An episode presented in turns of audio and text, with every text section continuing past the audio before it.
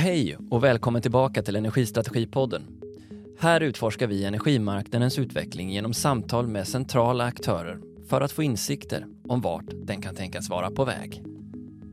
I slutet av förra året fick Svenska kraftnät ett uppdrag av regeringen att se över en förstärkt försörjningstrygghet i energisektorn. Att lägga till en marknadsomfattande kapacitetsmekanism innebär att SVK bland annat vill stimulera tillkomsten av ny produktion genom att tillhandahålla långsiktiga kontrakt. Är det då detta vi behöver för att få till ny planerbar kraft i systemet? Är det ett marknadsmisslyckande för Energy Only-marknaden? Hur kommer det här påverka alla som nu sitter med investeringsbeslut? Vi får möjligheten att lyssna på en person ur SVKs marknadsekonomiska Brain Trust, Elon Axberg. Lyssnar du på den här podden har du garanterat ett djupt intresse i hur svensk energimarknad utvecklas. Därför, extra kul att ha dig med. Hej Elon Axberg, varmt välkommen till Energistrategipodden. Tack. Vem är du? Vad är din roll på SVK? Jag är en ekonom, nationalekonom och jag jobbar eh, på en enhet som heter strategi och omvärld på Svenska kraftnät. Och typiskt sett så deltar jag um, i utredningsarbete såsom eh, regeringsuppdrag eller eh, andra punktinsatser som behöver göras på verket. Du har också varit på Energimarknadsinspektionen tidigare. Ja, precis. Jag var där under sex år och jobbade på chefsekonomfunktionen där, eh, vilket var en bra crash course i elmarknad. Man får verkligen jobba brett så att säga, eh, på en lite högre nivå. Eh, Medan vi här får dyka lite mer i detaljer, vilket jag också eh, gillar verkligen här på Svenska kraftnät. Jag har också deltagit i en statlig utredning om, eh, som mynnade ut i en skrift som heter Moderna tillståndsprocesser för, för elnät. Hur föds det nördiga intresset för elmarknaden? Jättebra fråga. Det, det har också ställt mig, den frågan har också ställt mig. För jag, jag har inte egentligen en energibakgrund. Jag disputerade i nationalekonomi inom offentlig upphandling. Eh, och då är steget långt kan man ju tycka till energi, men det finns en hel del beröringspunkter. Jag menar, el prissätts på så många marknader. Bakgrunden med, eh, med auktion, alltså att man har djupdykt i auktionsteori i fem sex år Eh, och tillämpa det på energimarknader har varit väldigt lyckosamt. Och jag gillar också att det är tydliga systemgränser. Att textbokmodeller i, i nationalekonomi går faktiskt att tillämpa. Det är väldigt svårt att lagra el. Det måste klarera i varje millisekund egentligen, utbud och efterfrågan. Och det, det är inte så med alla marknader. Så att det, det är väldigt enkelt att modellera och modellerna blir hyfsat realistiska inom eh, energimarknader och el. För, eh, jag vet inte om det är det för alla, men för mig eh, är det en ganska stor grej det här att ni kommer med förslag på en marknadsomfattande kapacitetsmekanism. Det är någonting som har varit en del av diskussionen i ja, alla de 15-16 åren som jag har varit på olika konferenser i energifrågorna. Inte minst var den väldigt aktuell inför energiöverenskommelsen och frågan om hur kärnkraften skulle beskattas. Eh, och då så möttes den många gånger med att nej, men en kapacitetsmarknad, det, det kommer liksom aldrig bli av. Och så försvann den där ett par år för att nu återfödas genom den här fantastiska 170-sidiga skriften som ni nu har kommit ut med. Vad är det för problem på Energy Only-marknaden som gör att ni kommer till den här slutsatsen? Nej, det är helt rätt. Vi har ju, vi har stått i ett princip färdigutbyggt system och vi har haft en tämligen stabil och jämn elanvändning sedan början av 90-talet, det är ju de senaste 30 åren. Och eh, i det läget när vi har en ganska stabil jämvikt över tid så, så, så funkar Energy Only utmärkt. Det är väldigt rationellt och det effektiviserar ju otroligt bra systemet. Eh, men det vi ser det är energiomställningen och en, en fördubblad delanvändning på över 300 terawattimmar som många prognosmakare gör eh, redan till 2045. Jag menar det, det kräver ju en, en ny utbyggnadstakt som, eh, som vi inte har sett tidigare. Eh, och det är det som är bakgrunden. Och, och, när vi tittar i våra förfrågningar om nyanslutningar så, så är det ju mycket mer ansökningar om uttag än inmatning, helt klart, de, de närmsta åren också. Så de här ökande problemen på marknaden med mer volatilt tillsammans med ett absolut mycket större elektrifieringsbehov och efterfrågan på el såg man ju i er kortsiktiga marknadsanalys, KMA, som kom här i vintras. Och för de som tittade på LOLE-talet, alltså Loss of Load Expectation, såg att framåt 2027, då hände någonting med det där. Berätta, vad var det ni såg? Ja, nej, men det vi ser att det är, vi gör dels en nationell då, analys om resurstillräckligheten där vi, där vi ser betydande risk för, inte betydande, men en ökad risk för effektbrist här eh, redan 2027 på grund av att eh, ja, det är prognoser om ökad elanvändning och eh, en utbyggnadstakt hos produktionen som inte eh, går i takt helt enkelt. Men vi har också en europeisk analys, en analys på europeisk nivå som, som visar samma sak egentligen och redan 2025 så, så har vi eh, ett antal timmar med risk för effektbrist då, även i den analysen. Så att där har vi två analyser som pekar på samma riktning om man säger.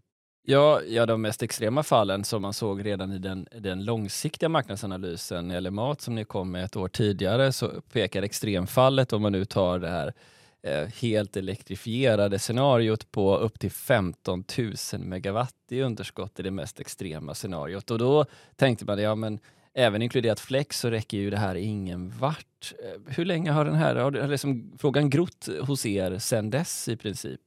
Det är väldigt stor spännvidd i utfallsrummet. I det mest extrema scenariot så, så indikerar kapacitetsbehovet att det, det, är, alltså, det är ett betydande kapacitetsbehov som en energy only-marknad får väldigt svårt att leverera. Men i andra änden av spektrumet så har vi ingen risk för effektbrist. Och det tyder också på, det här enorma utfallsrummet tyder också på den osäkerhet som, vi, som, vi, som, som är eh, i framtiden. Så det är helt avhängigt att de planer och att vi faktiskt når netto noll här 2045 eh, realiseras eh, för att de här enorma kapacitetsbehoven ska, också ska realiseras. Men förklara det där gärna ur ett nationalekonomiskt perspektiv för oss. De här höga prissignalerna, varför räcker inte de att stimulera rätt aktörer att gå in med rätt kapacitet på marknaden? Ja, det där är ju närmast en filosofisk fråga. En energy only bygger på att prissignal, ja, som, precis som du är inne på, att prissignalen ska få genomslag och att aktörerna ska agera på den. Men det förutsätter också att prissignalen får fullt genomslag och att inte politiken går in och, och sätter intäktstak eh, eller liknande. Och tyvärr får man väl säga så är den här tillfälliga kris, krisförordningen här som, som klubbades på EU-nivå så införde de just ett, ett intäktstak då för att svara, som ett svar på de höga elpriser som vi har sett senaste vintern. Eh, vilket ju ger belackarna till Energy Only vatten på sin kvarn. Är, de kan göra modellkörningar och se att eh, vi kommer säkert få kunna köra en, en topplastanläggning ett antal timmar i framtiden. Men frågan är om, eh, om det kommer vara nya intäktstak då. Eh, det skapar ju en politisk osäkerhet eh, och ökad investeringsrisk, helt klart.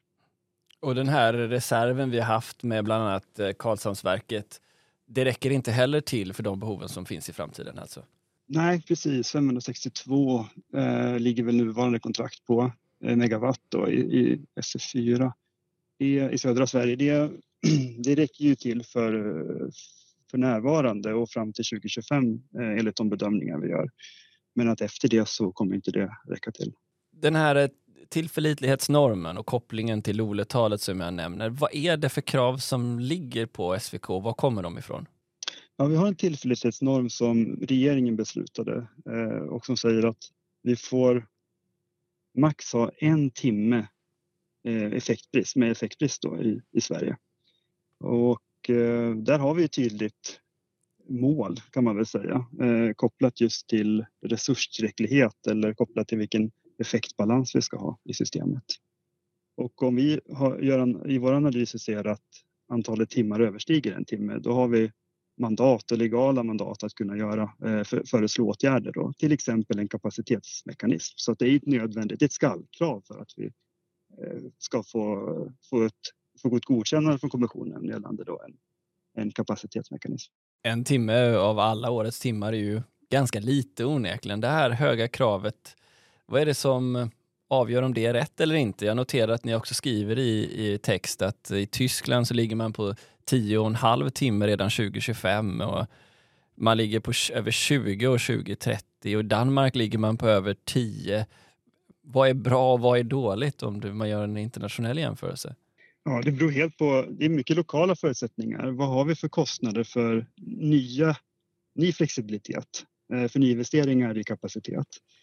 Och cost of new entry är ju, är ett central, eh, ja, man ska säga, en, en, en central faktor som bestämmer tillförlitlighetsnormen. Och här bedömer vi att eh, vi kan klara tillförlitlighetsnormen med eh, efterfrågeflexibilitet som ju har ganska låga kostnader. Eh, så cost of new entry är låg. Och, och, och sen en annan faktor är då värdet av förlorad last om, om man gör en direktöversättning, value of lost load som, eh, som vi gör, som det görs undersökningar på eh, med jämna mellanrum då, vad, vad den är.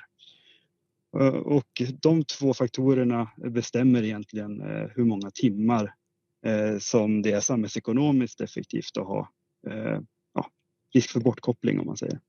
För det är det som är konsekvensen. Om, om vi inte syr ihop utbud och efterfrågan då, då är det manuell frånkoppling av förbrukning som vi tar till här då från Svenska kraftnäts sida. Och det ska man inte heller överdramatisera. Det är bristen 500 megawatt, då kommer 500 megawatt eh, förbrukning att kopplas bort. Företrädesvis i södra Sverige, för det är där vi har eh, mest problem med effektbrist då, de närmsta åren. Men visst har ni försökt att hantera de här frågorna även med eh, aspekter och åtgärder som är inom ramen för det kontroller idag som summallokering, ökad mothandel, justering av driftsäkerhetsmarginaler och annat. Hur långt har det räckt? Men absolut, det räcker ju en hel del, det räcker en bit. Eh, och vi kanske ska gå tillbaka till själva grundkonceptet. Vad är effektbalans? Jo, det är då systemets förmåga att möta efterfrågan, alltså elbehovet i, i varje timme, men, men också på fin, en lite finare upplösning också. Ehm, och vad kan man möta efterfrågan med? Jo, det är just produktion inom elområdet, flexibel elanvändning, vilket har varit jätte det har varit en, en, liksom, en bidrag, starkt bidragande orsak till att vi har sytt ihop det här i vinter. För inför vintern hade vi, hade vi ganska tajta marginaler i systemet såg vi, men efterfrågeflex har varit en, en stark kraft för att liksom lösa det här. Och det tredje det är import till elområdet. Så vi har underskottsområden i södra Sverige men det, de klarar effektbalansen med hjälp av import från för, ja, framförallt norra Sverige men ibland också från kontinenten. Då vi kommer väl in på det, men den här importen den är totalt sett på över 10 gigawatt, vilket ju är väldigt mycket. Men en hel del av det kommer ju inte in i södra Sverige utan kommer in i norra Sverige. Ja. Så det hjälper oss inte helt att ha, liksom den siffran är inte riktigt sann om, om man nu ska tänka på att det är södra Sverige som har framförallt problemen med resurstillräcklighet. Ja precis, nej, eh, nej, 10 gigawatt det avser hela Sverige ehm, och import till norra Sverige har inte direkt, kan inte direkt eh, hjälpa till i södra Sverige, men indirekt såklart kan den ju det. Ja, men eh, så om man blickar ut över den här då, Energy Only-marknaden som vi har, så finns det ett, liksom ett, ett antal utmaningar. Det är, det är, inte minst då att eh, en del, en stor del av den här väderberoende eh, produktionen som nu kommer till med vind och sol företrädesvis de hjälper inte till att lösa frågan om att täcka den högsta residuallasten, alltså den, den, de högsta behoven. Det, det, är det ni ser. Samt då att, att investeringarna tenderar att vara mer cykliska än, än direkt kopplad till marknadens behov av andra anledningar. Så förstår jag er, er liksom kritik av, av vad som nu händer på energimarknaden, om man nu ska kalla det för kritik, men förstår vad jag menar. Ja, precis. Ja, men det är ju helt rätt. Vi hoppar väl in lite grann nu i analysen då, men Energy Only har ju jättemånga fördelar, det ska vi verkligen säga. Så vi föreslår ju inte en kapacitetsmarknad för att det är enkelt eller för att det är i grunden en önskvärd ut, eh, alltså utveckling, men vi ser inga alternativ på grund av just då nackdelarna med Energy Only, att det tenderar att leda till cykliska investeringscykler som du är inne på. Det, det här gäller investeringar i kapitalintensiva och väldigt långlivade anläggningar. Dessutom har vi långa ledtider också innan drifttagning och investeringarna sker klumpvis. Det, det skapar ett koordineringsproblem och kanske också förstärkt av att det är viss flockbeteende. Nu är det höga priser, då springer alla åt en riktning, men är det låga priser så drar, drar aktörerna eller investerarna liksom igen eller ner på investeringarna. Sen också har vi det här med riskaversiva aktörer som är ett standardargument mot eh, Energy Only. Om man är det minsta riskaversiv och det är en osäker framtid då, då brukar eh, den domin, dominanta strategin vara att vänta och se. Ehm, och har vi råd att vänta och se när vi står inför eh, den energiomställning då som står för dörren. Eh, så i grunden stora risker på grund av pris, den prisvolatilitet som vi ser och som ökar eh, och eh, vi har långa ledtider eh, på grund av bland annat på grund av tillståndsprocesser och sen också politisk risk. Man vet inte exakt om det kommer komma nya intäktstak här i framtiden. Det här sammantaget gör att vi bedömer att vi behöver minska investeringsrisken på marknaden genom att ge mer stabila och säkra intäkter under en, ett antal år då, med hjälp av en kapacitetsmarknad. Ja, för jag menar strukturellt i, man tänker vad som skiljer de olika kraftslagen åt, så har du också en ganska stor spridning mellan de som har väldigt höga fasta kostnader, alltså kapitalkostnader, men då ganska låga rörliga kostnader. De, vi tänker de stora planerbara kraftslagen inte minst, som har den strukturen. Eh, ställt då mot de som har då låga fasta kostnader, men å andra sidan kan ha ganska höga rörliga kostnader. Det finns ju alla tänkbara mixar däremellan. Eh, det påverkar ju både den här value of lost load och det påverkar ju när man är villig och hur man är villig att gå in på investeringar.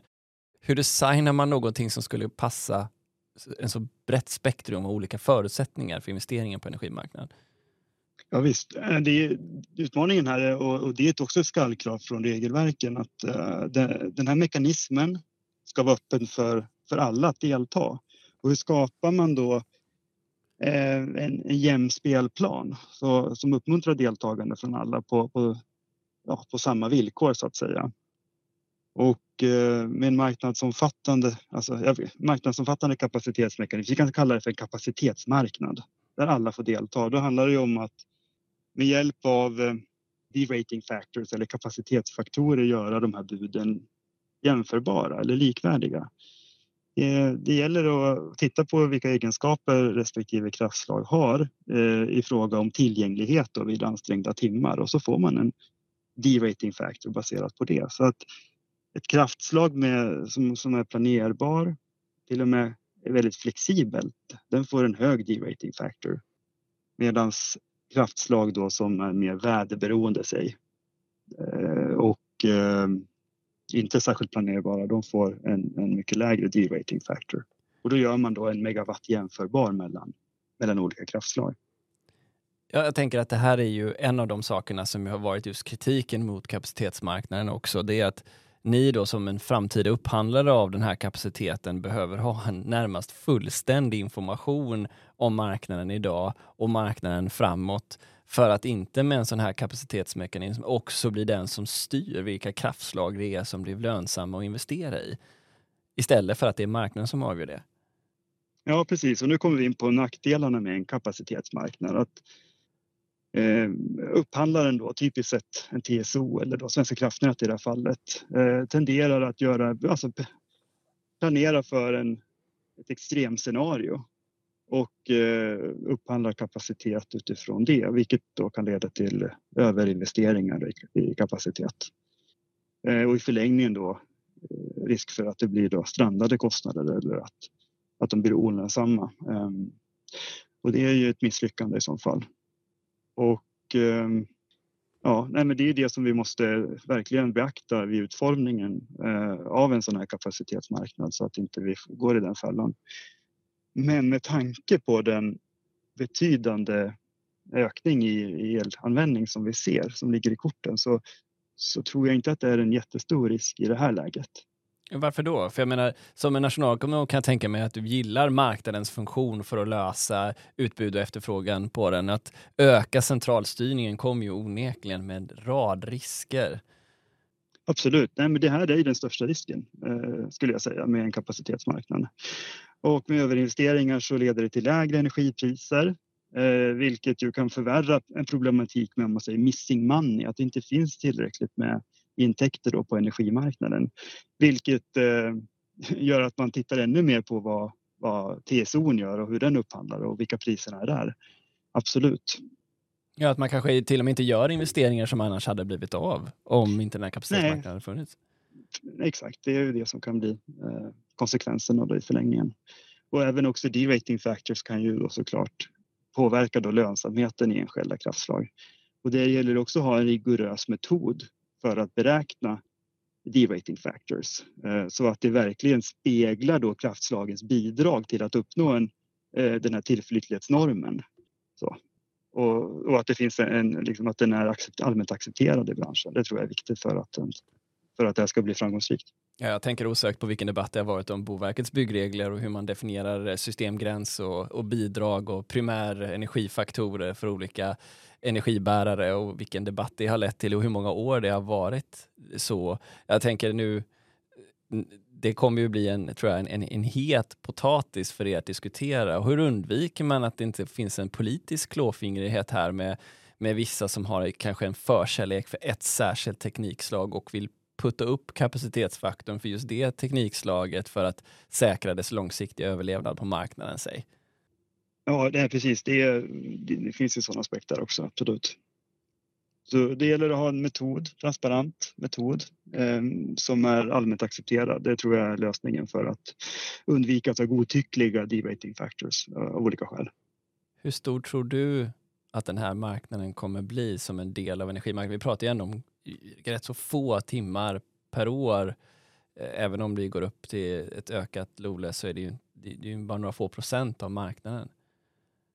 Jag vågar tyvärr inte svara på det. Eh, och det är svårt att dra erfarenheter från internationella eller göra internationella jämförelser. För energisystemen eller ja, elsystemen är ju Eh, och, vilka produktionsslag som, som finns i dem och ja, produktionsmixerna varierar så mycket.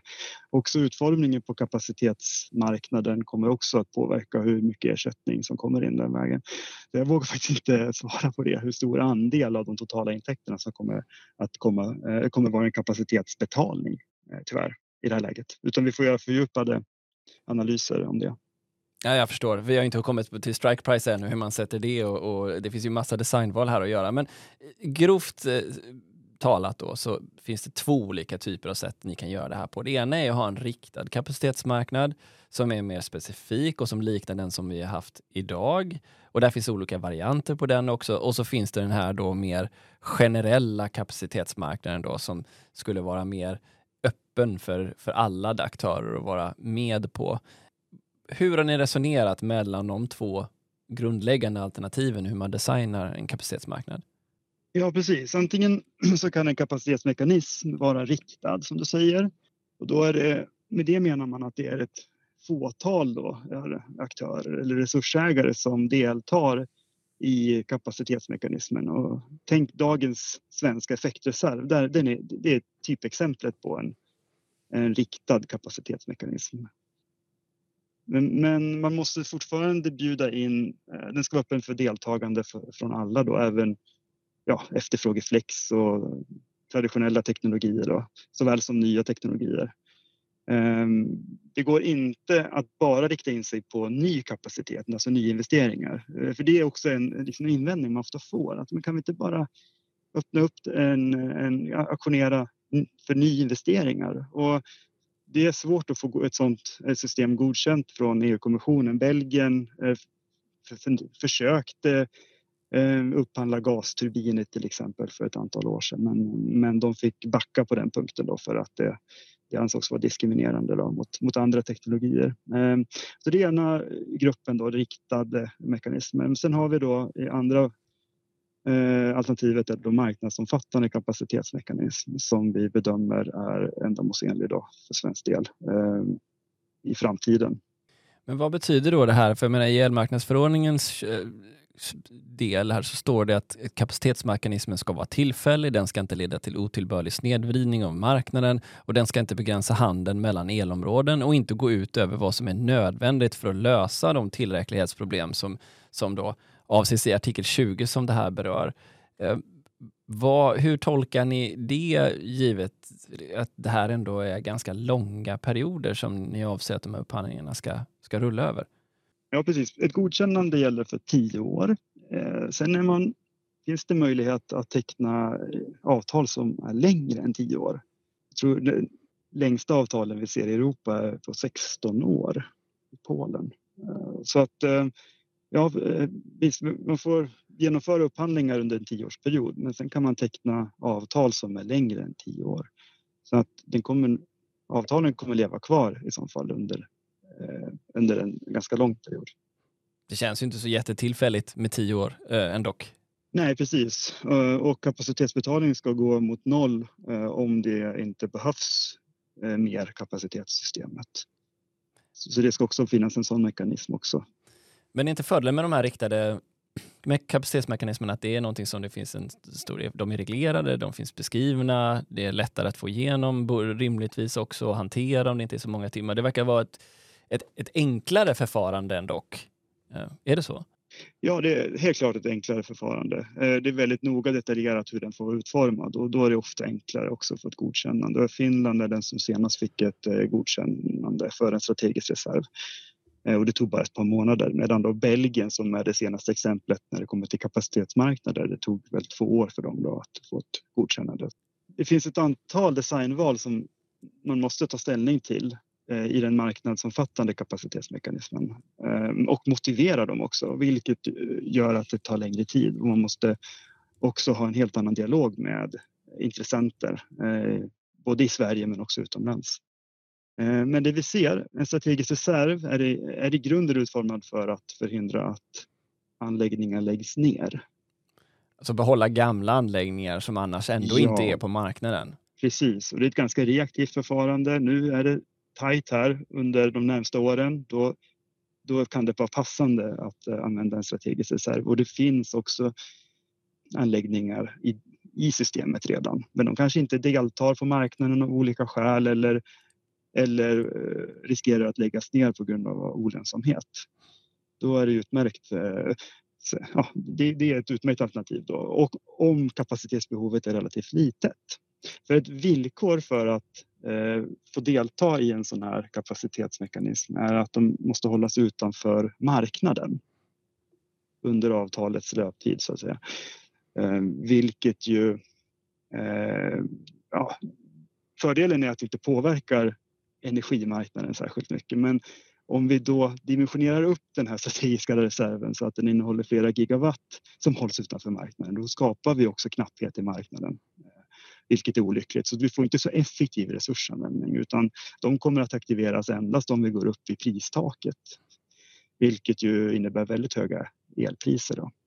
Ja, just det. Och det i sig också, det kan ju leda till en, en, reaktion från allmänheten om man får se väldigt, väldigt höga pristoppar som vi har gjort här under vintern, vilket också kan leda till risker som politiska interventioner och annat, eller? Ja, ja precis, absolut. Eh, finns det en acceptans för de jättehöga priser? Alltså de priser vi haft i vinter kommer ju uppfattas som låga jämfört med om vi går upp i pristaket.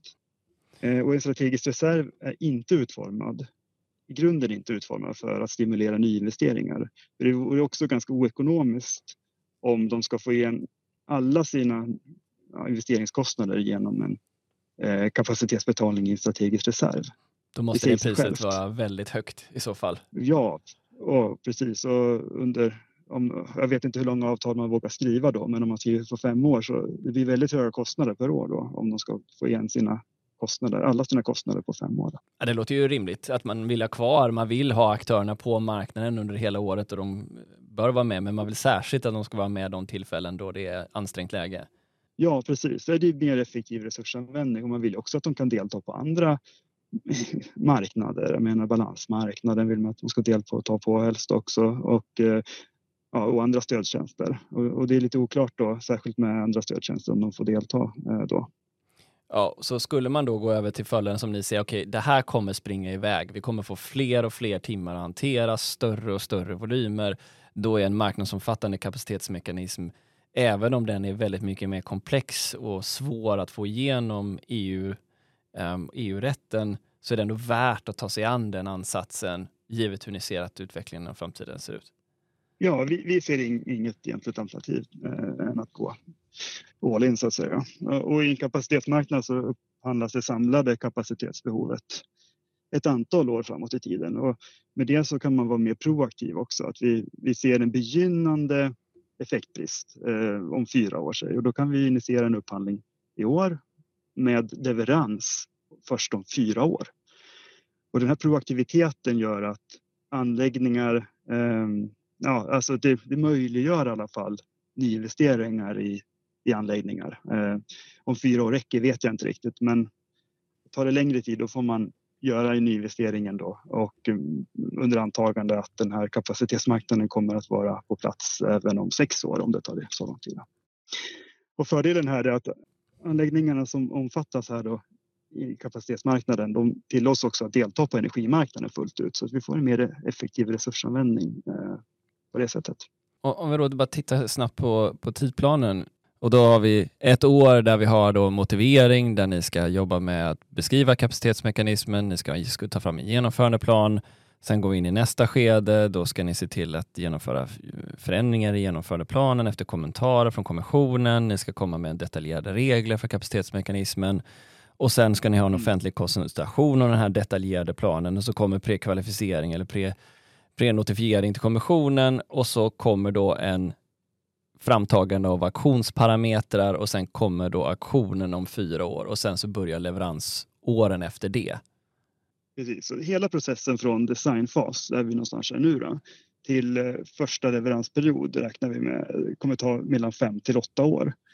Och eh, om man tittar på vår tidsplan här då i rapporten så har vi kommit en bit på väg. Jag menar vi har motivering av behovet har vi börjat ändå skissa på här då. Eh, och motiveringen, liksom motivering av vilken typ av kapacitetsmekanism som behövs. Vi har en genomförande plan på plats redan. Det är EI som tar fram den eh, och har skickat in den till kommissionen. Eh, och vi väntar på återkoppling. De har tror jag, tre månader på sig för att göra det. Då. Och så har vi kommit till högnivå marknadsdesign och det är egentligen den här rapporten. Det kan man säga är en högnivå förslag om man säger. Eh, och vi landar inte helt i, i slutsatser i alla, i alla designval utan vi lägger upp alternativen eh, och vi, vi inväntar intressenternas... Eh, den här ska ut på konsultation, den är redan ute på remiss. Och vi inväntar med spänning då intressenternas inspel på det här då, så att vi kan komma vidare och, förhoppningsvis då bli mer detaljerade i våra förslag. Då. Så att vi har ju kommit kan man säga en, ett år in redan i processen. Ah. Så, det här, så lanseringen av det här, när hoppas ni att det skulle ske? Mot slutet av det här decenniet är väl en rimlig, ja någonstans där, 2030 eh, säger jag. Det kan vara plus minus två år där. Vad gör man i den här mellanperioden mellan 2025 och säg 2028 för att säga något tal? Ja, för nuvarande effektreserv löper ut här då 2025, eh, i mars 2025. Så då blir det ett gap som vi behöver hantera på något sätt. För det är där någonstans också vi ser att eh, marginalerna krymper ytterligare. Och eh, därför så föreslår vi att vi, ehm, ja, inte förlänger, men att vi gör en nyansökning då gällande en effektreserv liknande den vi har idag och genomför upphandlingar då för det. Eh, där vi också, vi måste göra vissa modifieringar, tillåta efterfrågeflex att delta bland annat då, under ett antal år. Då. Mm. Finns det inte en eh, risk att alla de aktörer som gör investeringar nu tänker att oh, oops, här kommer de att införa liksom en, en, en betalningsström för en kapacitetsmarknad som riskerar att sänka priset på eh, grossistmarknaden? Ja, fast alla eh, aktörer är ju välkomna att delta i en kapacitetsmarknad och få en kapacitetsbetalning. Och det som kan skapa osäkerhet är hur man hanterar då befintliga anläggningar. För det finns exempel i Europa då där man har en övergångsperiod där befintliga anläggningar har ett, ett, eh, ett budtak, att de inte får ja, som är lägre egentligen reservationspriset i upphandlingen eh, så att de inte får full ersättning då, så att säga under en övergångsperiod. De kanske fasar in då befintliga anläggningar, alltså gamla anläggningar under en treårsperiod. Säg. Så det är ett exempel. Ett exempel. Och man, syftet med det är att man vill undvika windfall profits, alltså en oväntad vinst som de inte hade räknat med. Då. Men eh, det, det blir lite, ja, du sätter fingret på, på ett, liksom ett dilemma där då för för relativt nya investeringar då, eh, ska de också omfattas av en sån då mekanism eller eh, en sån övergångslösning eller ska de tillåtas delta fullt ut då? Det, det är ett designval som vi måste ta ställning till. Ett annat designval som ju har kommit från EU-kommissionen, inte minst i deras Repower EU-paket här, har varit en om CFD, alltså Contract for Difference, där man då lägger upp ett eh, antingen ett ensidigt eller ett eh, tvåsidigt prisskillnadskontrakt som det heter på svenska. Eh, vad är relationen mellan CFD och den här kapacitetsmekanismen? Ja, CFD är, är ju, den har inte mycket kapacitet i sig, om någon alls. De har ju bara i nuläget inkluderat teknologier då som är, som är oplanerbara om man säger.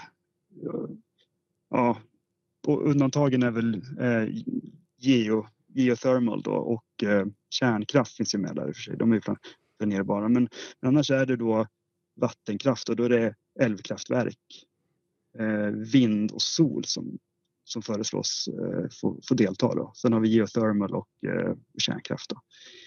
Men de är mer energifokuserade då. Eh, att, eh, att man då antingen får ersättning baserat på inmatad energi eller någon form av schablon då, eh, utifrån kraftslag.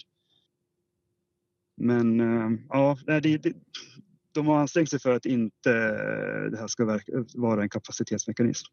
Som, som, som, vi tolkar det. Ja, för jag tänker mig att också om det är en tvåsidig prisskillnadskontrakt så har man ju och det, priserna blir väldigt höga och du inte får betalt för de väldigt höga priserna, då kanske inte heller incitamenten är jättehöga för att du ska vara med när det är ansträngda timmar, vilket lär korrelera, korrelera med, med höga priser, eller? Nej, precis, verkligen. Nej, det kan faktiskt vara eh, det kan leda det kan få motsatt effekt om man tittar på tillgänglighet och, och även också problem med överskott. Eh, eh, vi har ju sett många timmar nu de senaste veckorna där det är minuspriser, vilket ju tyder på att det finns ett eh, elöverskott i systemet. Och har de då ett, en, en tvåsidig eh, CFD så kommer de att eh, vilja mata in el trots att det är låga priser. Okej, okay, så CFD kan vi inte räkna med som kapacitetsstödjande mekanism. Kommissionen har ju också föreslagit införa en produkt för, för förbrukningsreduktion som en icke frekvensrelaterad stödtjänst. Kan inte det fungera som ett, ett hjälp och stöd här? Ja, absolut. Ehm, det kan det göra. Jag har inte hunnit analysera just den, det förslaget riktigt. Ehm, men absolut, det, det, det kan man verkligen tänka sig att man skulle kunna utforma en form av en kapacitetskomponent där. Eh, och, ja, en tillgänglighetsbetalning helt enkelt. Ja, för den är ju inte helt eh, given hur man ska hantera just frågan om om förbrukningsreduktion och relation. Det är ju lättare att tänka sig ur, ur produktionsperspektiv hur den här kapacitetsmekanismen ska fungera. Men, men bara för att stänga frågan också om de alternativen som finns från EU så har ju också PPA-kontrakt diskuterats. Eh, att man ska tillhandahålla eh, jag vet inte exakt hur de har tänkt konstruera det här, det är väl ingen egentligen som vet det. Men det kan man väl säga också kort, inte heller är någonting som skulle hjälpa till med kapacitetstillförande resurser i ansträngda situationer, eller? Nej, det är helt korrekt. Nej. Nej, de, de här topplastanläggningarna som vi kanske främst behöver då, eh, under ansträngda timmar, de brukar väl inte delta i PPA-kontrakt ens i finansiella, alltså övriga terminskontrakt, utan de, de får sin intäkt från, från grossistmarknaden, dagen före och, och balansmarknaden. Men de måste ju samexistera förmodligen beroende på om regeringen väljer att gå vidare med CFD för, för Sveriges del och där måste, det måste man ju hantera vid utformningen av en kapacitetsmekanism det är väl långsökt att tänka sig att man kan få betalning i båda mekanismerna om man säger. Nej, det låter ju rimligt. Det har varit en del politiska förslag om att införa folkhems, folkhemsel och annat som rimligtvis också måste ha någon bäring på de här typerna av kontrakt. Ja. ja, och kopplat till just eh, PPA, då, då finns det också ett strike price ofta. Ehm, och det kan ju påverka, ja, man säger, det kan ju ställa till det för deltagare eh, ja, vi, vi, kommer komma till det, hur vi ska säkerställa tillgänglighet under ansträngda timmar. Men, men där finns det också kopplingar som man behöver eh, ta i beaktande helt klart eh, vid utformningen av kapacitetsmekanism. Eh, och en annan sak då om vi fokuserar på efterfrågeflexibilitet och en stödtjänst för det. Eh, och det här har inte jag eller någon annan tänkt särskilt långt, men det är en utmaning att få in efterfrågeflex på ett bra sätt i en kapacitetsmekanism. De ska med, men det Utmaningen är hur. Och det finns lite olika förslag på lösningar där. Ehm, en möjlig idé är att man skulle lyfta över dem då till, en, till en stödtjänst. Jag, jag, men jag, vi har inte tänkt alls långt här. Ja, just det, i enlighet med vad vi pratade om nyss. Ja, precis. Ja, för jag tänker att vi får en massa verifieringsutmaningar där. Um, ja, det, det, är ju allt som alltid med efterfrågeflex. Vad, vad är referensen här då? Eh, vad hade hänt om vi inte hade haft en kapacitetsbetalning? Ja, det är spännande. Men så här då, den här kapacitetsproblemen, tillförlitlighetsnormens eh, behov, det är väldigt olika i landet. Eh, och vi kommer då in på det här med hur geografin och avgränsningarna, det vi kommer väl in på designvalen här för en sån här marknadsomfattande kapacitetsmekanism skulle fungera. Hur ser ni på den geografiska avgränsningen? För vilka marknader är det per prisområden? Är det för hela marknaden? Hur tänker ni? Ja, behovet härleds ju från de här resurstillräcklighetsanalyserna och de ska som lägst göras på elområdesnivå.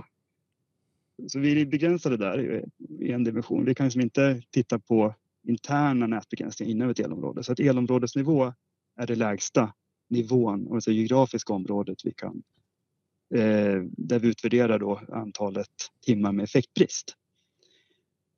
Eh, och, och, då blir det också alltså medlet om man säger är också lite grann begränsat till att som lägst vara på elområdesnivå. Alltså kapacitetsmekanismen får som lägst vara på elområdesnivå. Så att eh, vi kommer att göra en resursdräktighetsanalys då där vi får då eh, resultat då per elområde och så kommer vi att dimensionera kapacitetsbehovet, alltså kapacitetsmarknaden ut efter det. Då. Okay. Med hänsyn tagen till eh, importmöjligheter till respektive elområde. Så det du egentligen säger, att lyssna här, elmarknadsförordningen säger redan vad vi kan göra på lägsta nivå, även om det är så att vi skulle ha betydande, mycket mindre lokala kapacitetsproblem som skulle kunna lösas längre ut i nätet med inte lika omfattande insatser. Förstår jag rätt då? Ja, precis, utan då är det ju mothandel eller omdirigering. Framförallt om det är internt då, som är verktyget. Eh, och det finns väl vissa möjligheter kanske att ha nätkapacitetsreserv också kan man tänka sig. Men hur gör ni då? För jag har ju också haft ett eh, avsnitt med Mårten om föreslagna nya elprisområden. Hur förhåller sig ja. det till det här? Ja, men som det vi skriver i rapporten, eh, det är att eh, marknadens geografiska område, alltså kapacitetsmarknadens geografiska område bör följa elområden. Så att om elområdena ändras, då kommer kapacitetsmarknadens e-, elområden också att följa med. Och då kan man också hantera andra, om man säger, nätbegränsningar. Eh, och, ja, det är ett sätt att hantera dem. Det blir spännande då att se hur stora elområden ni vill ha, om, om, det, om, om önskemålet eller förslaget på hur storleken på elområdena också sätts i relation till de här tankarna. Ja, precis. Ja, men det är ju, det är ju en intressant utveckling att se hur, hur fina upplösningar vi kommer ha då. Men det är en avvägning. Det är många faktorer att ta i beaktande. Likviditet är ju en, en, en, en sån faktor av många. Ja, just det. Men det är ju, det är ju ett, ett av argumenten för hur centralt eller decentralt det skulle vara de här. För det är ju nästa fråga. Vem är det som ska hantera den här kapacitetsmekanismen? Är det, är det ni nödvändigtvis? Är det elhandlare? Är det elnät? Är det självklart att det är SVK? Och i så fall varför? Mm, ja, men det är ett sådant designval, ett av flera. Då. Ehm, ska vi ha en centraliserad upphandling där TSO typiskt sett upphandlar hela behovet? Eller ska man ha en decentraliserad lösning där man lägger ut då, eh, ansvaret på nätägare, eh, finns exempel på, eller på elhandlare. Och givet att vi har eh, att det ska vara unbundling där då eh, mellan elhandel och nät så bör eh, eh, kommer i Europa kommer det ligga på elhandlaren då sannolikt i så fall om man ska ha en decentraliserad lösning. Men av de länder som har en kapacitetsmarknad och det är rätt många, det är många fler som har kapacitetsmarknaden som har en strategisk reserv i Europa. Så är det bara ett land som har en decentraliserad lösning och det är Frankrike. Och Eh, de har varit nöjda med den men de ska ändå gå över till decentraliserat säger de. Så att eh, jag vet inte, det, det tyder eller talar för den decentraliserade eh, lösningen och särskilt i Sverige där vi har flera elområden.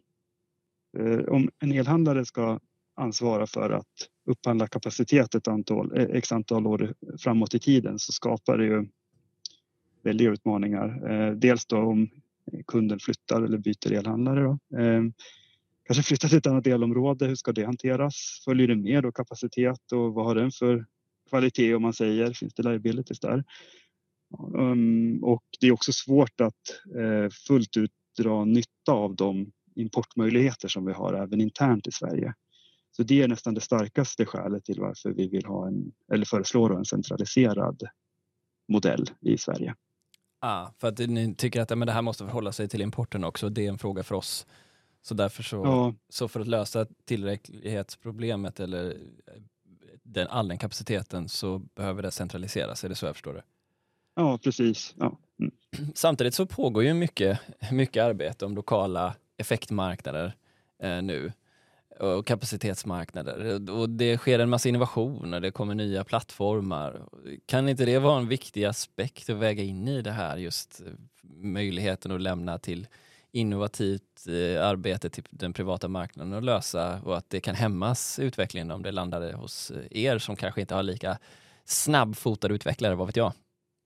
Ja, nej precis. Ja, men det är ju en fördel kanske med en decentraliserad lösning att du, du kan ju ha frihetsgrader där att utforma eh, avtalen utefter lokala förutsättningar och, eh, och, och, och lite grann förutsättningarna för olika aktörer. Då.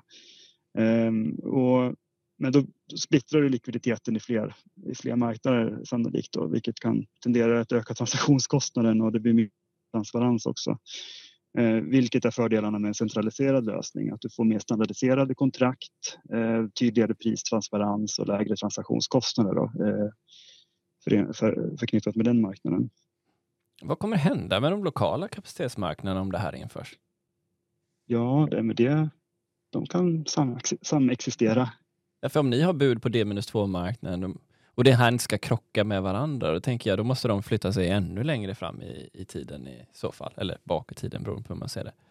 Ja, precis. Nej, men, men de bör kunna samexistera.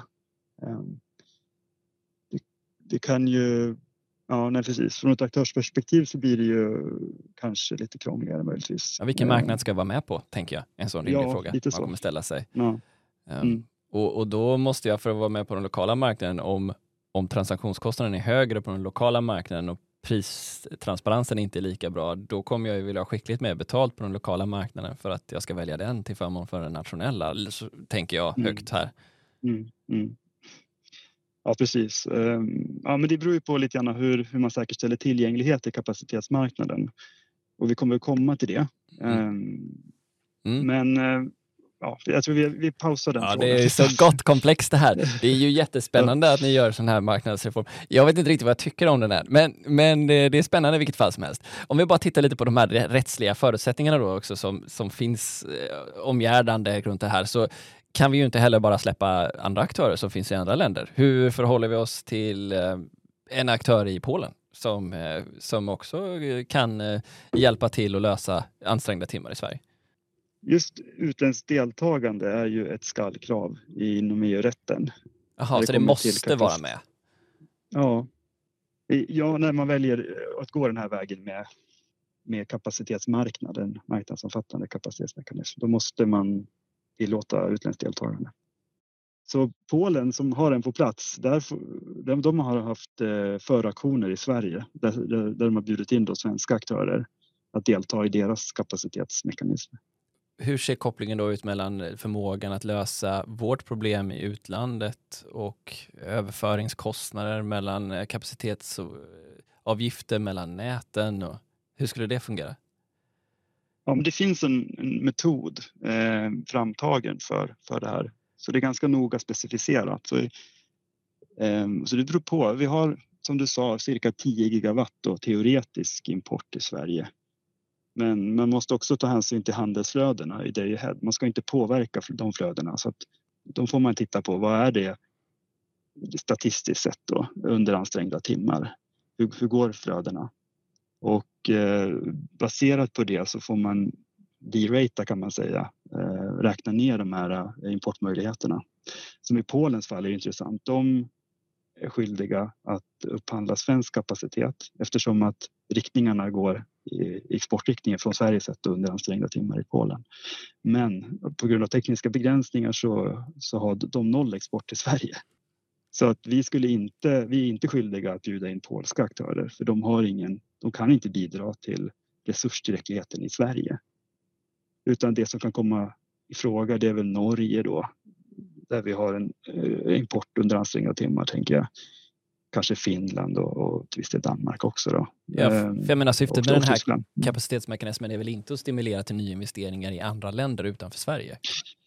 Nej, och vi ifrågasätter ju, det här är ett skallkrav som sagt så att vi, vi har väl inget val riktigt, men vi ifrågasätter effektiviteten i det här, eh, särskilt om, om det eh, grannlandet inte har en kapacitetsmekanism. Då kommer inte det här kapacitetsbetalningen att driva nyinvesteringar utan de som är konkurrenskraftiga då det är ju befintliga anläggningar som kommer att få kontrakt här då. Eh, lite grann så hur, hur, hur den här aktionen kommer att bli, vara riggad då. Eh, så att det är ganska marginellt eh, eller obefintligt bidrag från utländska resursägare då. Eh, så är det. Men eh, det, poängen är egentligen att om, om vi har en teoretisk import på 10 gigawatt så kommer den vara avsevärt lägre upphandlad kapacitet då i utlandet på grund av just att vi måste ta hänsyn till handelsflöden då i, i marknaden. Om vi då går in på hur ni skulle vilja designa incitamenten att vara med på marknaden. Hur, hur får man betalt här? Vilka alternativ finns det? Vad tycker du? Ja, i grunden så lägger du in ett bud. Jag har 100 megawatt kapacitet. Och är, har du ett konkurrenskraftigt bud så kommer du att få tillslag. Och, och, och det är ju också en designval. Ska vi ha pay as bid eller pay as clear här då? Alltså betalning enligt marginalpris eller betalning enligt bud. Ehm, så det beror lite grann på hur stor ersättningen kommer vara då. Men om vi leker med tanken att det är marginalpris, då får du ju ersättning då i enlighet med det sista antagna budet. Det är kapacitetsbetalningen som, som kan vara årligen eller ja, något sånt. Då. Då har du en betalningsström som är garanterad under avtalets löptid här. Ja, och sen då, hur säkerställer vi att resurserna är tillgänglig under ansträngda timmar? Och det, det är ytterligare ett designval. Antingen går man på, använder man piska eller så använder man morot. Eller så gör man både och. Eh, och moroten här, det är vi kan börja med piskan. Det är ju mm, börja med piskan. Avsluta. Ja. Nej, men piskan det är att man ställer krav på tillgänglighet. Att man ska vara, bjuda in sina resurser under eh, ett antal timmar eller under fördefinierade timmar på någon eh, elmarknad. Det kan vara dagen före eller balansmarknaden, intradag. Och det kan ju vara att man eh, notifierar dem två dagar innan leverans eller realtid eller, eller något sånt. Eh, det är den ena vägen. Eh, det ställer dock krav på att man också kan följa upp det här eh, per anläggning och det är utmanande i Sverige där vi har portföljbud. Så vi ser ju egentligen inte vilka anläggningar som, som lägger bud utan det är ju nettopositionen hos balansansvarig som, som bjuds in. Så att en sån ordning skulle sannolikt betyda ökad byråkrati ganska mycket mer för då måste man se liksom buden per anläggning egentligen. Eh, så det är ju utmaningen här. Men då skulle ju då straff utgå om man inte dyker upp på någon marknad utan eh, avstår. Så det är liksom piskan.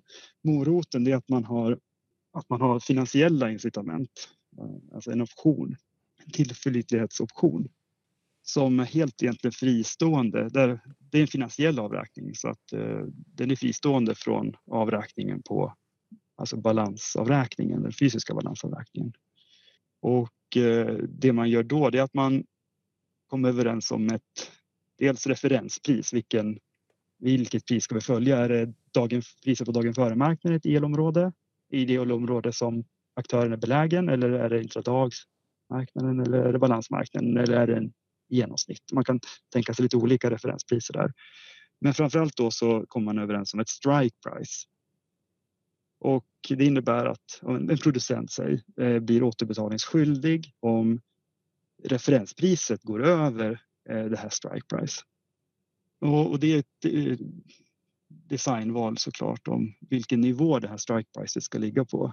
På kontinenten så följer man ofta gas till exempel för det är den som... Marginalprissättande? Ja, det är marginalprissättande. Och det är, men det är inte samma, lika tydligt att det är det i Sverige. Så det är frågan om, om gas är relevant här. Eh, något land tittar på, har ett, baserar det på ett historiskt genomsnitt, att man tittar några dagar eller veckor bakåt i tiden. Vad har priset varit och, och, och bygger ett, ett strike price på det. Så det kan man ju fundera över då, eh, vad den ska vara. Jo, så om, och I ansträngda situationer så sticker priset iväg ofta och, och, och då kommer ju det här finansiella instrumentet att, att ge incitament att vara tillgänglig. För du, då får du ju också en betalningsström från grossistmarknaden som matchar egentligen då ganska väl förmodligen ditt åtagande, ditt finansiella åtagande så att säga. Okej, okay, så om jag förstår det rätt här nu då, säg att vi har ett strike price på 3 kronor och så, mm. så har jag fått ersättning enligt, enligt ja, budet eller marginalpriset för kapacitetsmarknaden och så om jag producerar då när det är tre spänn eller över, då får jag betala tillbaka övervinsterna. Men är jag inte tillgänglig de timmarna så får jag ändå betala tillbaka de pengarna som om jag vore tillgänglig som ett sätt att då skapa incitament att verkligen vara tillgänglig när priset är högt. Är det så ni ja, resonerar? Helt korrekt. Mm. Du bara tänka, tänka sig att många gånger så inträffar de här väldigt höga priserna också just på grund av att någon stor eh, producent inte är tillgänglig. Så det, det kommer ju med vissa eh, risker det här också då för de som är med på kapacitetsmarknaden. Ja precis, för det har ju ett kontraktsvärde då eh, å ena sidan då, eh, kapacitetsbetalningar och sen så har du då en, en, en möjlig risk då att du måste betala tillbaka av det om priserna går över det här eh, strikepriset, eller lösenpriset. Då. Och ehm, eh, man kan ju då överväga att införa någon form av stopploss eh, och det är många marknader som gör det eh, avseende de här återbetalningarna, att de kanske inte får överstiga kontraktsvärdet, eh, det årliga kontraktsvärdet eller, eller, eller något sånt. Eh, det är en möjlig lösning. Som i Belgien? Ja, precis. Eh, för är det för stor, för stor risk eh, förknippat med de åter, möjliga återbetalningarna så kommer ditt ersättningsanspråk att öka också. Du kommer ligga in, vilja ha bättre betalt helt enkelt för att delta i kapacitetsmarknaden. Ja, men jag förstår att det blir lätt, för då behöver ju inte ni säga exakt vid det här tillfället så kommer vi att vilja aktivera kapacitetsmarknaden eller, betala, eller, eller ta ett, få, få dem ta ett straff. Samtidigt så behöver det ju inte vara en korrelation mellan ett högt pris och en, en resursbrist på marknaden. Ja, men det, det, kan man göra analyser på förmodligen och, och, och se hur, hur väl det korrelerar. Men eh, ja, jag, skulle förmoda att det, det, det, är ganska hög korrelation ändå mm. höga priser och resurs. Alltså, teoretiskt sett kan det gå upp i, i, i maxpris på marknaden. Ja, den intressanta frågan här blir ju hur sätter ni det här priset? Vad skulle det mm. vara? För om man nu tänker att ni gör det här över en, säg en sjuårsperiod så har jag blickat tillbaka sju år så har ju ganska mycket hänt på grossistmarknaden mm. onekligen. Hur, hur mm. skulle man designa det här så det finns en, en, en aktuell paritet mellan vad priset är och situationen på mm. elmarknaderna? Absolut. Nej, men eh, på kontinenten då är det något gasindex eh, som man knyter det till. Eh, eller, eller så är det tillbakablickande baserat på historiska priser under en ja, tidsperiod. Då. Så att det följer med. Ja. Det måste finnas någon form av historisk koppling som följer med och som aktualiserar nya situationer på energimarknaden. Ja. Men ett finansiellt incitament är, har ju fördelen att det nästan det påverkar inte ditt agerande så mycket i grossistmarknaden. Eh, eller gör det det? Det måste vi verkligen borra i eh, så att det inte påverkar liksom vattenvärden eller vad som helst. Eh, det skulle vara intressant att titta på. Det, det är vi jättetacksamma för om aktörer kommer in med inspel om. Ja, det blir superviktigt att alla förstår vilken konsekvens det här kan få på sin egen position och att man verkligen är aktiv i, i, remiss, remissvaret. När är det det ska vara inne? Ja, det är första september ska, ska det vara inne till regeringen. Så det är en intensiv sommar för några ute i Energi-Sverige nu då? ja, men det är ganska generöst med tiden då. Ehm, så det är positivt. Så att eh, förankra det här noga i era organisationer och kom in med ett, med ett bra remissvar. Och, och vi finns till förfogande. Alltså, man kan ju läsa rapporten med, och kanske ha funderingar och vi svarar mer än gärna på frågor eller vi kan komma ut och prata om den också om tid finns så att säga. Så kontakta mig eller Niklas Damsgård. Eh, så. Ja, okej. Okay. Ehm, vi har inte nämnt så mycket om det här med kapacitetsfaktorn, hur man sätter den. Vad är det som, hur kommer ni se på hur man sätter kapacitetsfaktorn och hur kommer det påverka möjligheten till ersättning i systemet? Ja, precis. Det första designvalet är hur många produkter vi ska ha. Ehm, och typiskt sett så har man en eller två produkter. I Europa så har samtliga gått, eh, har valt en produkt Eh, men om man skulle ha två produkter då skulle man kunna dela upp kapacitet i firm och flexible capacity till exempel. Kalifornien gör man det. De har väldiga rampingbehov. Eh, ni vet den här ankkurvan med residuallasten som är väldigt, väldigt brant där på morgon och kväll. Vilket har föranlett att man har inkluderat eller ja, lagt till ytterligare en produkt då, eh, som kallas för flexible capacity utmaningen där är ju då att eh, det är väldigt nästan omöjligt att göra det analytiskt utan då får man göra det lite mer godtyckligt eh, vad jag vet. Ehm, och då går vi över till en produkt och då är det egentligen bara firm capacity, alltså man säga vilken effektiv megawatt som du kan bidra med då, eh, under ansträngda timmar. Det är syftet med att, härleda då och det kan man göra analytiskt. Det är inte helt enkelt men det går att göra. Och vad pratar vi om för uthålligheter? Eh, ja precis, och det, man gör ju det här i elmarknadssimuleringar eh, och då får man ju då, då, modellerar man ju respektive kraftslag och då så får man ju de förmågor som kraftslagen har. Det syns också i, i, i simuleringarna. Att det, det, det är inga problem. Eh, problemet kan ju vara för efterfrågeflexibilitet till exempel som ju har olika uthålligheter men också olika återhämtningstider. Eh, och, och det är en hel del handpåläggning om man ska simulera upp eh, olika typer av efterfrågeflex då, eller ett energilager. Eh, men det går att göra återigen. Så att eh, det går, det går att, att ha ganska robusta metoder. Robusta vete tusan, men det beror lite på vilket indata du väljer och vilken produktionsmix och så vidare. Men, men det är hyfsat eh, bra metoder kan man ändå ta fram. Ja, det finns ju ganska tydliga fördelar med det här med att antingen ha en eller två produkter där det både kan tänkas, alltså att stabila förutsättningar är en grundregel för, för de båda, men att där två produkter kanske har en högre måluppfyllelse eller en möjlighet att hjälpa till. Men det finns å andra sidan problem med det också. Hur, här, här säger ni egentligen varken bu eller bä. Va, vad tror du? Ja, vi lutar åt en produkt ändå. Ehm, eh, för att eh, det blir ökad pristransparens i det fallet. Och eh, de här kapacitetsfaktorn som vi tar fram, de ska ju då reflektera det marginella bidraget från varje eh, kraftslag till att uppnå tillförlitlighetsnormen. Så att en kapacitetsfaktor kan ju ändras över tid. Premierar vi för mycket, jag vet inte vad jag ska hitta på här, ehm, men premier, råkar vi premiera ett kraftslag då som, som, som blir mer lönsamt då eh, och vi får liksom, det blir lite övervikt åt det kraftslaget, då kommer ju kapacitetsfaktorn att, eh, att minska över tid. Då, man säger. Det kannibaliserar ju på, på, på varandra här. Då och det är fördelen med det. Eh, Utmaningen med två produkter, det är kanske inte att ta fram de här kapacitetsfaktorerna, man går lite på magkänsla där, men det är ju sen hur man prissätter.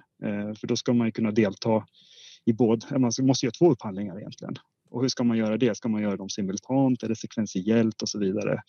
Ja, det finns en hel del utmaningar. Eh, alltså komplexiteten uppstår egentligen vid auktioneringen då om man har två produkter.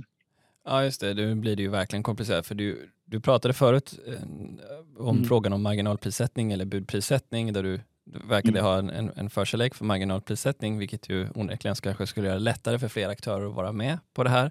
Men sen är det också frågan om hur många runder och hur man ska göra själva budförfarandet i så fall. Där det har en single round sealed bid eller multi-round descending clock. Vad är mm. de här sakerna och hur påverkar de för och nackdelar med hur man designar marknaden? Nej, men just auktionsmekanismen är ju såklart kontextberoende. Det beror på lite grann. Har vi två produkter så, så kan det vara fördelaktigt att välja en mekanism. Då. Men väljer vi att använda en produkt så kan en annan eh, auktionsmekanism vara fördelaktigt. Så att det beror på lite grann. Det, det, det hänger ihop som sagt. Ja, det blir en helt egen podd om man bara ska gå igenom alla möjligheter för hur ni skulle lägga upp själva, själva eh, rundorna. Men kan man, hur kan man själv då, kan man, eh, om man har vunnit en sån här auktion eller en budgivning, oavsett hur ni har designat den, är jag för evigt förpliktigad till det? Kan jag sälja det på en andrahandsmarknad? Hur funkar det?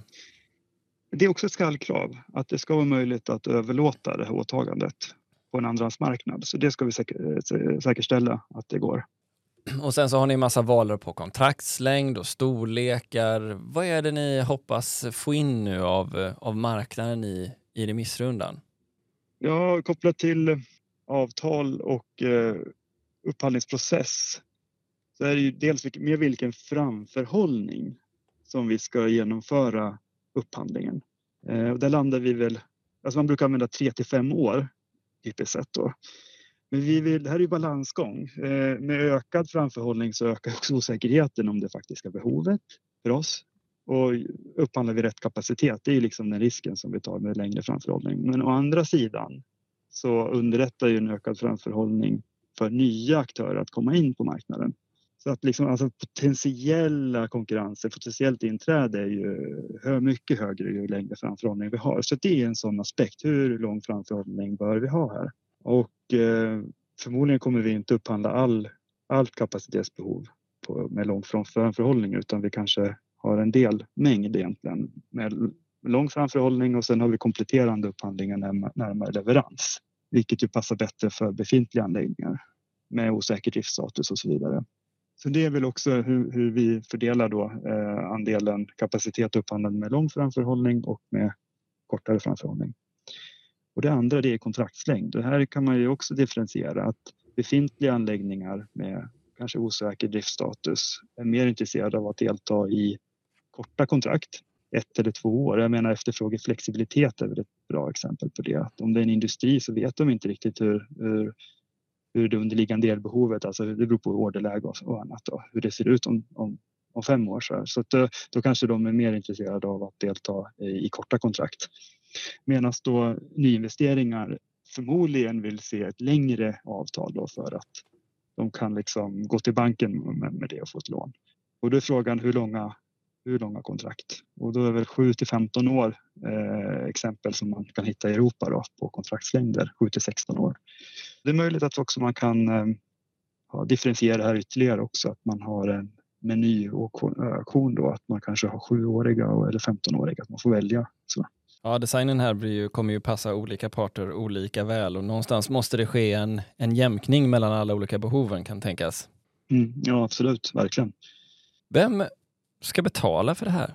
Jag menar, det kan ju bli ganska många timmar och det är ju vid tillfällen då priserna kan vara, som vi har märkt förra året, väldigt höga. Hur ska det finansieras? Det finansieras av kunderna på ett eller annat sätt. Och hur man utformar den avgiften, det får vi återkomma till. Men det kan Men, vara eh, tariffer, det kan vara kostnader ja, på balansansvariga? Balans, ja, balansansvariga, precis. Och det finns lite för och nackdelar med det. Eh, men det får vi nog återkomma i så fall. Det, eller så tar vi jättegärna emot inspel om det. Otroligt spännande är det här hur det kan påverka förutsättningarna för de här långsiktiga investeringarna som behöver göra framförallt tänker jag i våra planerbara kraftslag men också hur det kommer påverka beroende på hur ni designar det här alla de flexibla resurser som finns där ute och hur ni kommer göra med efterfrågeflexibilitet. Det är så många frågor som kastas upp på bordet i och med den här, den här högnivåbeskrivningen av en marknadsomfattande kapacitetsmarknad. Mm att, att göra om en marknadsdesign för, som är så här omfattande, det är ingen liten uppgift, Elon. Nej, nej det är det inte. Verkligen inte. Um, och vi gör det inte för att det är lätt, utan för att vi inte ser några alternativ. Känner ni att ni har fått ut, känner ni har fått hugg av marknaden, att det finns stort intresse kring det här? Märker ni det nu, att folk har fattat att oh shit, om inte så jättelång tid så kan vi ha en helt ny typ av prissättning på marknaden som kan påverka våra val av investeringar? Nej, men jag tror att det finns en... Det här har ju varit lite, lite av en smärtsam process internt också. För vi har ju haft en mer eller mindre uttalad position för, för Energy Only även på, på Svenska kraftnät. Så att det har ju varit en, en process, en förändringsresa även internt. Eh, att börja inse eh, och se sanningen i vitögat lite grann. Att vi har, krympande, vi har en trend med krympande marginaler och att det kommer att se mycket värre ut i framtiden. Så vi vill skapa, ge oss själv förutsättningar att upprätthålla frekvensen, att upprätthålla balansen även i framtiden. Eh, och jag tror att det är liknande reaktioner även ute i branschen. Ta inte, har ni tagit fram det här gamla liket ur garderoben igen? och att det finns en del liksom gamla sanningar som man har fått uh, ja, utmana. Då. Men jag skulle säga att bland aktörer så är det förvånansvärt positivt ändå att de också har landat lite grann internt eh, i det här eh, redan också. Eh, och att det finns en medvetenhet om utmaningarna. Så ja, det, medan det finns ju också många anhängare av Energy Only där ute. Det ska ju verkligen framhållas och på goda grunder. Den har starka meriter, Energy Only. Men vi behöver en proaktivitet och här är ju nästan en filosofisk fråga återigen då. Hur, hur ska vi liksom, eh, vad kommer först här egentligen? Ska, ska elanvändningen komma först och skapa höga priser, alltså prissignaler för nyinvesteringar och sen kommer rätt investeringar i rätt kapacitet på rätt plats Men givet de ledtider vi ser med tillståndsprocesser och annat och kanske också osäkerhet om framtiden så att vänta och se-strategin är, är vanlig då. Har vi verkligen råd? Som Sverige, eh, har Sverige råd att vänta in produktionen? Och kommer också förbrukningen, kommer de här planerna och höglyftande el, elektrifieringsplanerna att realiseras med de elpriser som krävs för att få till investeringssignalerna? Det här är ju ett politiskt beslut. Det är ju regering, regeringen eh, som fattar beslut om vägvalet här. Ska vi gå all in kapacitetsmarknad eller ska vi förlita oss på en energy only marknad framåt? Och jag tror att de brottas mycket med det här nu. Ska vi gå före med produktion eller ska vi invänta att förbrukningen eh, ökar först? Många förändringar som vi, som vi förmodligen kommer se på marknaden de närmaste tio åren. Eh, tusen tack för att du var med och delade det här Elon och eh, var med i Energistrategipodden. Tack själv för att jag fick komma.